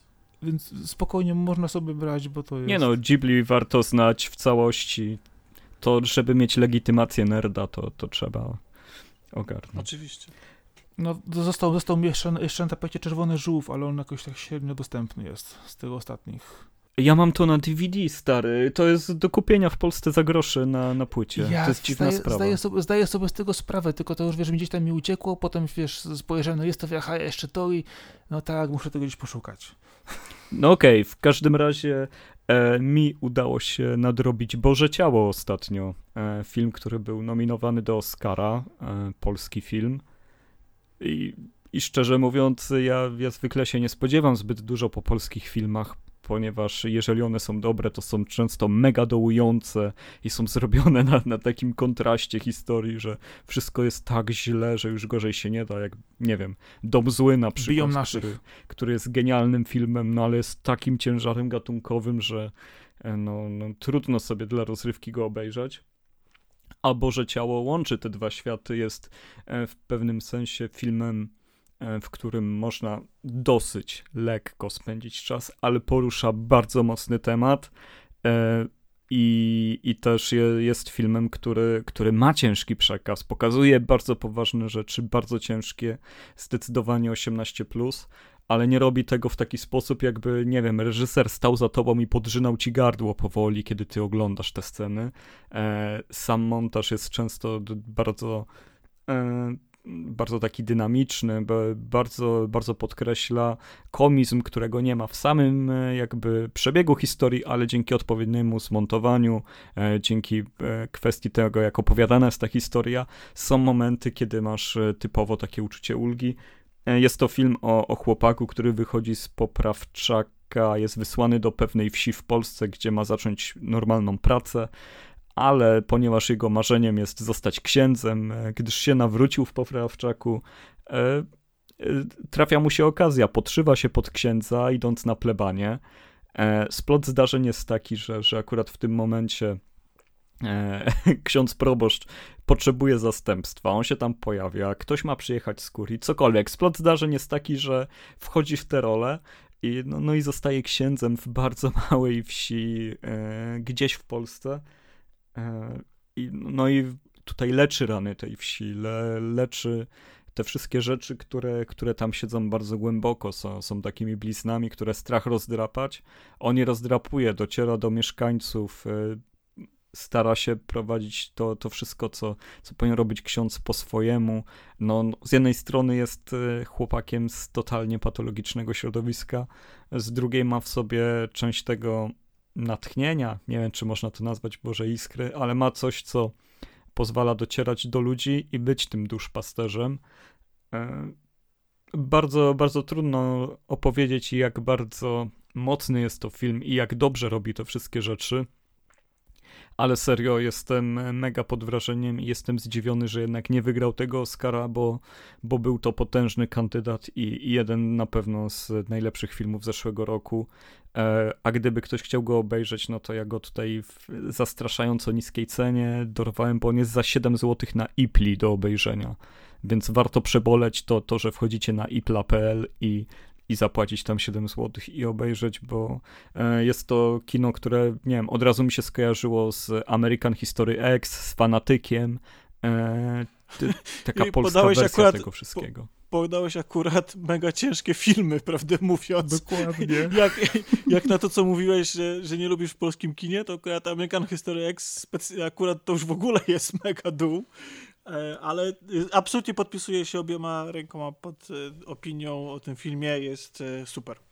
No, no nie, no wiesz, ale oczywiście to są ciężkie filmy, ale kwestia jest taka, że przy polskich to w ogóle jesteś orany, tam, e, wiesz, twarzą o asfalt. Ja ciągle mam ten dom zły drogówka, jako taki drogówka. polskiego kina, nie? No, dro, drogówka... Weź sobie drogówkę. No, no też, też oczywiście widziałem filmy Smarzowskiego, e, zawsze dają radę, więc... Jeżeli chcesz się poczuć jak szmata oczywiście. No tak. No nie, no ja, ja, ja jednak wolę, kiedy jednak polskie kino wstaje z kolan, jak to się mówi i daje, daje nam coś pozytywnego, bo to jest, z polskim kinem to jest tak jak z grami, to już kiedyś rozmawialiśmy, że e, ciężko znaleźć te naprawdę pozytywne, które nie są po prostu e, banalne. No, killerów dwóch w kółko. Chociaż pierwszy killer był pewnym, no to, film, to był film, którego oglądali wszyscy. Nie no, To był... Ja uwielbiam te powrót tych plotek, że to miała być też hollywoodzka wersja. To, to tak, tak, tak. Znaczy, znaczy ponoć kupili scenariusz, ale go zakopali, nie? Gdzieś tam w, w archiwum swoim. Tak, tak, kiedyś użyjemy, no, no. Ja obie części uwielbiam. Ciekawe, kto by grał Jurka Killera w Stanach, jak myślicie? E, e, Jim Carrey. No, Ej, to by pasowało, to by tak, świetnie tylko, pasowało. tylko, że teraz jest chyba już trochę zawiekowy, ale tak, tak. No, d- 20 lat temu to dałby radę spokojnie. W tym No, momencie no, The Rock zresztą- by grał. Zresztą przecież Pazura był polskim Jimem Carreyem niby, nie? W 13 posterunku. No, to prawda. A to już w ogóle in, inna kategoria filmu. Tam większość gagów z tego po prostu teraz by nie przeszło, a ja się przy tym bawiłem tak, że o mój Boże. Przecież tam jechali po wszystkim, i wszystkim każde, po każdemu. To co, panowie, szybko w co graliśmy? Eee, wiesz co, ja, ja- ja w sumie e, ja grałem tylko w Yoku's Island Express, jeżeli chodzi o te nowe rzeczy, co żeś po prostu zapodał mój tytuł i ja przepadłem. Cieszę Po się. prostu da, dawno nie widziałem tak pozytywnego tytułu, z tak świetną muzyką. E, A jak się potem okazało, jak mi odpalił dodatkowe mechanizmy, że można dostać rybkę i pływać z tą kulą pod wodą, że można oprócz tego pinballu łapać się jeszcze tych wszystkich takich kurzyków w powietrzu i kręcić się. E, No ja po prostu przepadłem, no gra jest piękna, gra jest śliczna, kosztuje w tej chwili, może dostać ją za grosze. E, Jeżeli po prostu lubisz robaczka, który jest przyczepiony do, do wielkiej kulki, y, a gra, która wygląda pozornie jak planszówka, jest jednym wielkim szalonym pinballem, który opowiada historię starożytnej wyspy, jak jeszcze znajdziesz świątynię, to dowiesz się w ogóle skąd to się wszystko wzięło. No przepiękny, fantastyczny tytuł dla każdego, do, do totalnego relaksu. E, Można sobie usiąść, pograć 10 minut, można po prostu usiąść, przepaść na 3 godziny, na przykład jak ja wczoraj autentycznie, przepięknie namalowana, narysowana gra z, z świetną górą, bardzo pozytywnymi bohaterami, y, którą y, można przejść sobie spokojnie od początku do końca, a potem można sobie po prostu jeszcze wymaksować wszystkie bajery. Y, a notabene ma tam jeszcze pewien mroczny element w sobie, który nie przeraża, ale jest, no, intrygujący. Tak, Yoku's Island Express to, to na pewno, jeżeli chodzi o indyki, mniejsze gry i połączenie e, platformówki z pinballem, czy też z grą logiczną, e, rewelacyjnie daje radę. Tomek, w co grałeś? W Jakuzę. Zero. O, Opowiadaj. Dobra, to Nie, nie patrz na zegar, rozsiądź się. nie tego dokładnie. Wiesz, nie, e, postaram, Arek- postaram się krótko. Arek, Arek otwiera właśnie trzecią butelkę i już możesz mówić, on będzie słuchać. Postaram się mega krótko, jak na mnie. No więc odbijałem się od serii Yakuza wielokrotnie. Z różnych powodów. Grałem po godzinie, po dwie w różne części i po prostu odkładałem. A, bo to y, bohaterowie mówią alfabetem Morsa, czyli nie ma dubbingowanych dialogów. A jak już są dubbingowane, to mówią po japońsku, więc trzeba czytać, a mi się nie chce.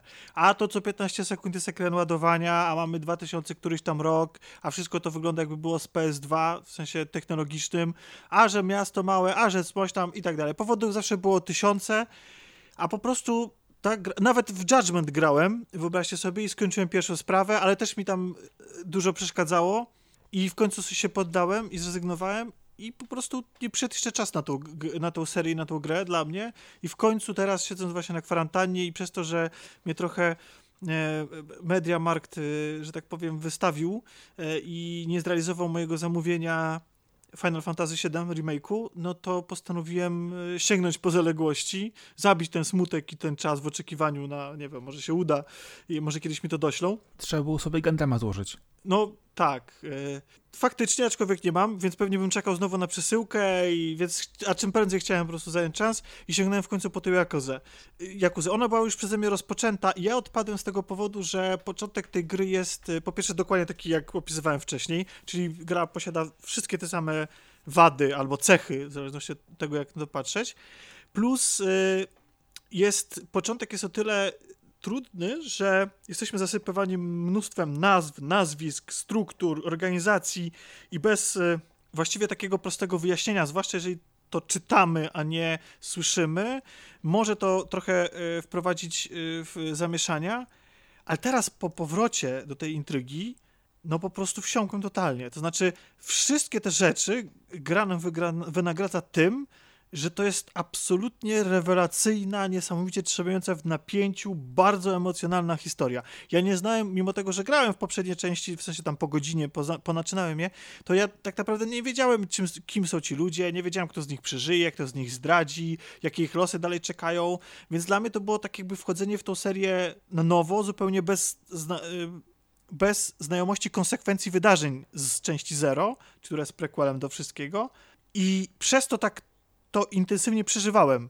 Po prostu dla mnie, bo ja nie miałem pojęcia, tak jak mówiłem, co się z tymi postaciami zda, e, zdarzy, jak się ta fabuła w ogóle potoczy, a jest tam tyle emocji, tyle niesamowitych twistów i, i czegoś, co tak naprawdę nie pozwoliło mi odejść od konsoli aż do zobaczenia napisów końcowych, a nawet po, bo są sceny oczywiście po napisach, ale mm, i, i, nawet w pewnym momencie odpuściłem sobie robienie misji pobocznych i w ogóle jakichkolwiek aktywności pobocznych, z których zresztą słynął, y, słynie seria Yakuza, ponieważ tak bardzo byłem ciekawy, co się dalej stanie z bohaterami. Tak bardzo no jest ciekawy... coś takiego, że jest to telenowela dla mężczyzn. Jest, jest, jest, jest, to prawda, to jest męski świat Yakuzy y, i właściwie jedyne, co w Zero miałbym do zarzucenia, to mm, no to to, że to się może nie spodobać komuś, kto na przykład, nie wiem, nie przepada za japońskimi grami, ale myślę, że tego podcastu tacy ludzie nie słuchają, ale e, no, ten pewien rozdźwięk pomiędzy po, powagą głównego wątku, a tym, jak bardzo naiwny, czasami radośny, z, radosny, zabawny i taki, no nie wiem, w cudzysłowie japoński e, jest e, klimat misji pobocznych na przykład i wszystkich tych aktywności typu śpiewanie karaoke, I to, to, to, to, to może niektórych gryźć, Natomiast gra jest mega wulgarna, w tym, y, nie, nie wulgarna, tylko brutalna. E, jest tam naprawdę wysokie stawki są. E, trochę za dużo jest tutaj takich, wiecie, powracania z zagrobu, takich, takich typowych rzeczy. Oczywiście historia jest bardzo japońska, czyli prawda leży w ogóle w przeszłości, mamy mnóstwo retrospekcji, e, każdy z bohaterów skrywa jakoś tam e, swoją tajemnicę. Ale mm. Kiryu już od samego początku jest praktycznie święty niczym Buddha. Tak. Czysty e, do tak. krwi, do, do kości. To jest tak genialne, że Kiryu jest zawsze takim wzorem mężczyzny. Tak, to, to prawda. To, to jest ktoś. Ja dziś czytałem, że to, jest, że to jest Batman i to jest totalnie taki Batman. Aczkolwiek, e, co w świecie Jakuzy wydaje się być absurdalne, to zresztą z tym się też wiąże pewne taki. Um, mój zarzut w ogóle chyba co do serii jako takiej, bo zacząłem jeszcze kiwami, ale o, o niej też chciałem minutę powiedzieć, to jest to, że trochę mało jest tam ja jak kurzenia, to znaczy takie gangsterki, poznajemy, czy intrygi, które się dzieją w tym świecie są mega ciekawe, ale one zwykle dotyczą takich wydarzeń spoza Jakuzy jakby. Oczywiście tutaj mamy walkę wewnętrzną dotyczącą tego, akurat w Jakuze Zero jest tego dużo, to znaczy mamy właśnie, poznajemy wewnętrzne konflikty i to, jak y, poszczególne frakcje próbują coś tam dla siebie ugrać i jak to wygląda, ale tak sobie wyobrażam, jak właściwie wygląda poza tą intrygą, w którą zostało wplecione y, życie Kiryu. Właściwie co on właściwie robi? Chodzi od, nie wiem, od lokalu do lokalu i obija twarze niewinnym ludziom i zbiera haracz? Czy jak to wygląda? Kim on jest? Bo, bo on jest tutaj y, jakby, nies, jakby nieskazitelnie niby biały i taki bo właśnie... on nie ma innego życia niż y, te fabuły, które widzisz w grach. On tylko jest wplątany w stawki o, wiesz, na najwyższej no wagi. No właśnie, i... więc trochę... Albo siedzi w więzieniu, to ja już tak. jak zagrasz w kolejne części będziesz wiedział. Y, I to tylko właśnie kończąc, no historia dała mi ogrom emocji. Ja na końcu autentycznie byłem wzruszony, płakałem, y, wielokrotnie nie mogłem uwierzyć w to, co się dzieje i y, było to super. Y, plus sam główny główna mechanika, czyli walka, dla mnie była bardzo przyjęta, była, jest bardzo prosta, w ogóle gra jest prosta, e, a jednocześnie dająca duże pole do popisu, jeśli chcemy ją zmasterować e, i możemy się uczyć nowych rzeczy i tak dalej, e, więc polecam każdemu zacząć od tej części.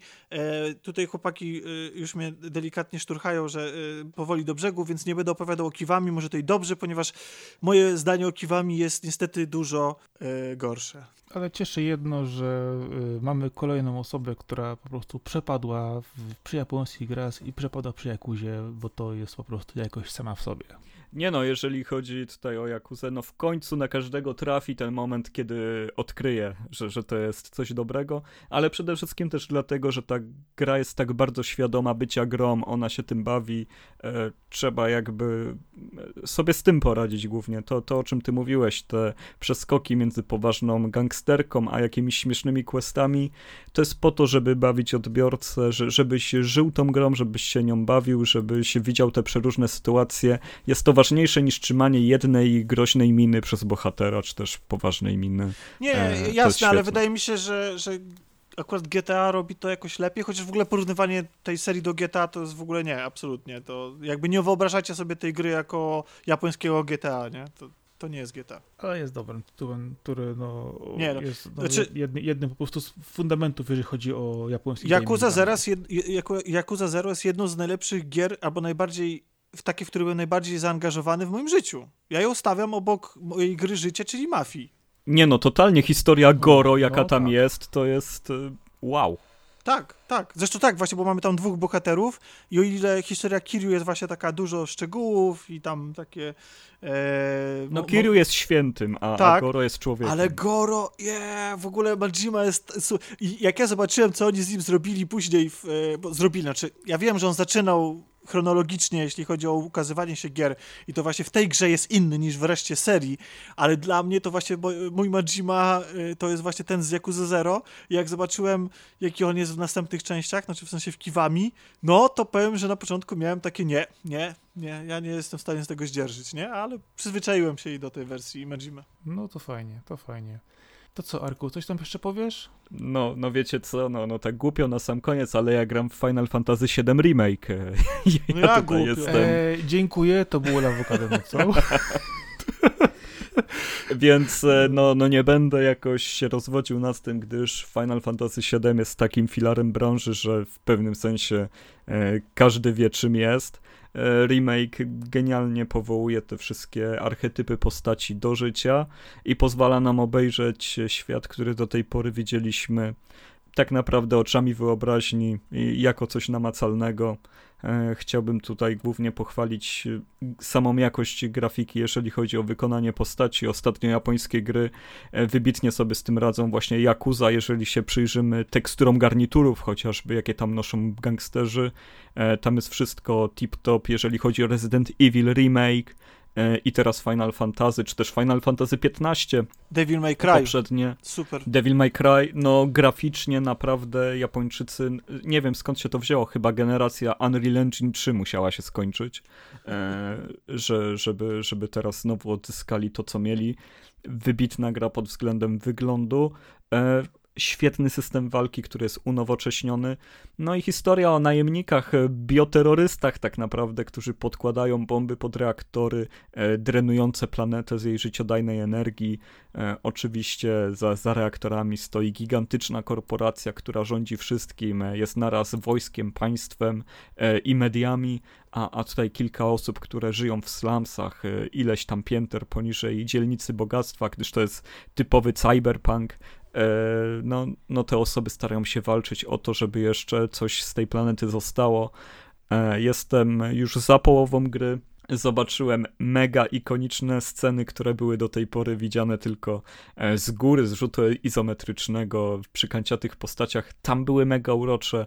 Tutaj też, jeżeli czekacie na scenę słynną z Wall Marketu, kiedy Cloud się przebiera za kobietę albo wchodzi do Honeybee Inn, e, takiego e, powiedzmy kabaretu, e, no, są świetnie ze smakiem zrobione, jest bardzo dużo humoru.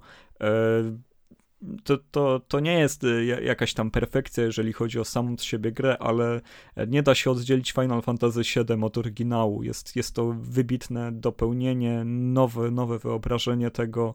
E, gra, o której będziemy tutaj na pewno dużo mówić. Będzie odcinek cały o tym, więc, więc no, no co, co ja... Będę na nim spać. Więc e, co, co ja tu mogę w tym momencie dodać? Może macie jakieś pytania o, o remake w tym momencie? No Tomek, rozumiem cię serce boli, że nie dostałeś. Boli mnie, zwłaszcza, że wydaje mi się, że już chyba trochę dostałem nie w serce, a w twarz spoilerami i trochę się te tego remake'u obawiam, to znaczy... Nie przejmuj się, ja je sobie też przeczytałem przed, y, przed graniem i to, to nie robi różnicy, to jest Final 7.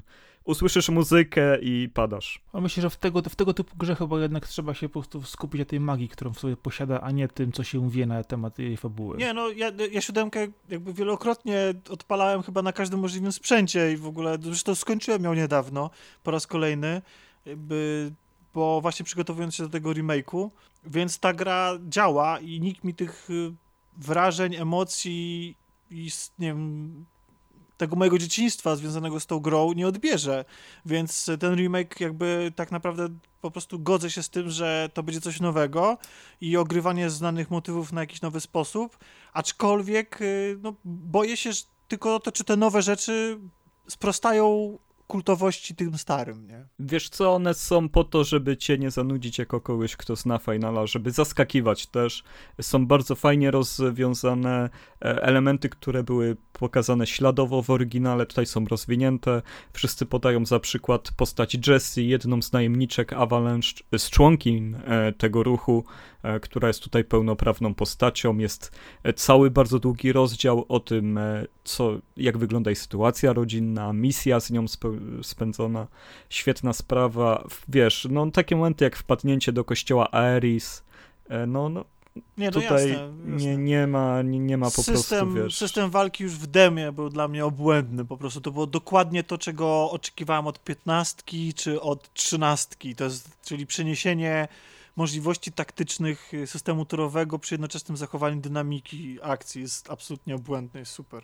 Przynajmniej jest w demie to był. super fajna gra, no oczywiście ma problemy związane z tym, że była tak długo tworzona, kilka razy resetowano ją wewnętrznie, deweloper się zmieniał, no, no tam było małe piekiełko, no myślę, że mieli bardzo duże problemy, żeby postawić ten szkielet, więc są e, dłużyzny co jakiś czas, czyli wrzucone e, dosyć sztampowo wyglądające dungeony, które musisz po prostu przejść pokonując potwory, żeby dojść do kolejnego momentu, w cudzysłowie fabularnego, żeby uruchomić sekwencję scenek i walk z bossem. E, no ale trudno mi, mi się tego czepiać e, w momencie, kiedy, no, no, kiedy ta gra się rozkręca i pokazuje swoje walory, e, no to jest nieporównywalna z niczym innym. Przywracają się właśnie e, wspomnienia z czasów, kiedy tego typu gry to były gry, dla których ludzie kupowali konsole. E, w tym momencie już kompletnie nikt nie, nie kupuje dla, dla JRPG-ów konsoli, więc, więc jest to świetne. Mm, pisałem niedawno na Lawokado tekst o Finalu 7 i tam użyłem porównania, że oryginał jest jak książka, a remake jest jak jej ekranizacja i, i wydaje mi się, że ja już w swojej głowie nic mądrzejszego i ciekawszego o tej grze nie znajdę, lepszego porównania. E, cały czas się tego trzymam. To jest tak jak zobaczyć właśnie historię i postaci, które do, do tej pory sobie tylko wyobrażałeś, jak teraz są takie dosłowne, przepuszczone też przez wizję innej osoby, ale ja biorę tę wizję w całości. Jestem mega ciekawy, co będzie dalej i liczę, że, że jednak nie dłużej niż dwa lata będę, będziemy czekać na, na kolejne e, odcinki, epizody, części. No dobra, ja akurat należę do tej grupy, która woli ósemkę, gdyż nie wiem, do mnie ta gra później bardziej, bardziej dotarła. E, na pewno nie zrobią z tego remake'u tak na poziomie siódemki, no ale powiedzmy, że E, przez sam wzgląd na legendę i że tę grę jednak e, dwa razy skończyłem, no może w końcu kiedyś po nią się. No ja myślę, że FF7 to jest jedyna gra JRPG, która mogła się doczekać takiego remake'u tej skali, że nic innego by, by go nie dostało i pewnie nie dostanie. Okej, okay, dobra, no to jest jedna z tych legend po prostu, która rzeczywiście... Po... Chrono Trigger i Chrono Cross może. Ojej. Nie, to... tri nawet Trigger by, by tak nie zażarł. Chyba Cross. A, a Cross, no to my kochamy, a wiecie, że w Stanach jest duży problem z Crossem, tam dużo ludzi e, kręci wokół niego. Ostatnio słuchałem e, podcastu Easy Allies, gdzie mu mówili o tym, że system walki jest zawiły e, i, i, że nie rozumieją. Nie, nie rozumiem, ta, tam jest chyba tak duża miłość do Triggera, że, że Cross jest taką jazzgą wokół, a, a ja uwielbiam Crossa zdecydowanie bardziej no, niż możemy Triggera. tylko czekać jak ta sytuacja się rozwinie z czasem, dopóki nie będzie to system walki jak The Last Remnant, to wszystko może być dobrze. może to być. co? Y, I jakieś podsumowanie? Ktoś ma ostatnie słowa, zanim zaczniemy zamykać teatrzyk? Tomasz, mów. Nie? wnioski, głosy formalne?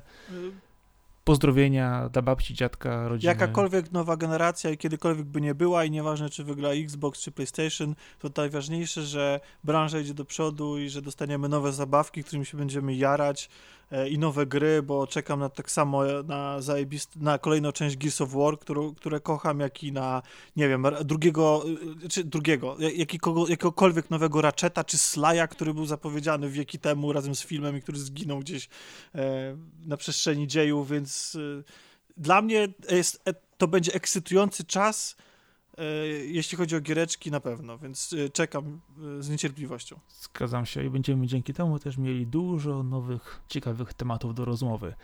Prawda, Arek? No, no dokładnie, jeżeli chodzi o jeszcze wspominanie tego, co jest z generacjami, no ja już jestem mega znudzony obecną, 7 lat to jest za długo, chciałbym powrotu do tego, że co 5 lat zmienia się generacja konsol, chociaż pewnie ta, która nadejdzie po obecnej będzie ostatnią w takim klasycznym rozumieniu. Ale i tak, no, no ciągnie się to wszystko, ciągnie. Proszę, już dajcie mi te nowe konsole.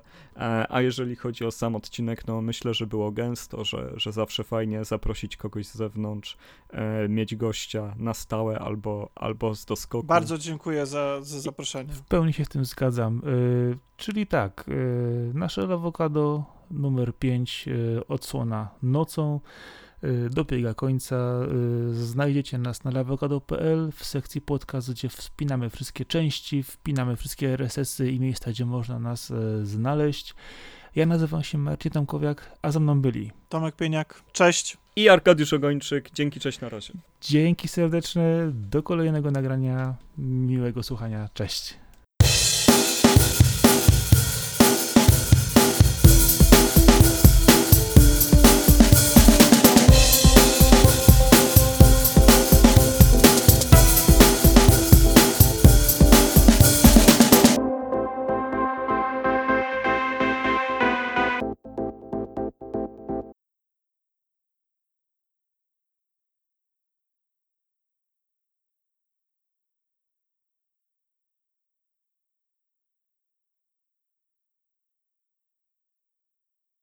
No tu, tutaj jest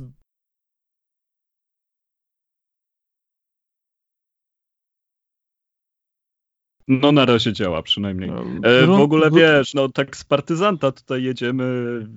Fajnie, że wpadłeś w, w, sumie, wiesz. No tu, tutaj jest... A skąd ty jesteś w ogóle? Skąd ty się wziąłeś? Kto ty? To ja jestem? No, no e... wiadomo przecież, że wiadomo.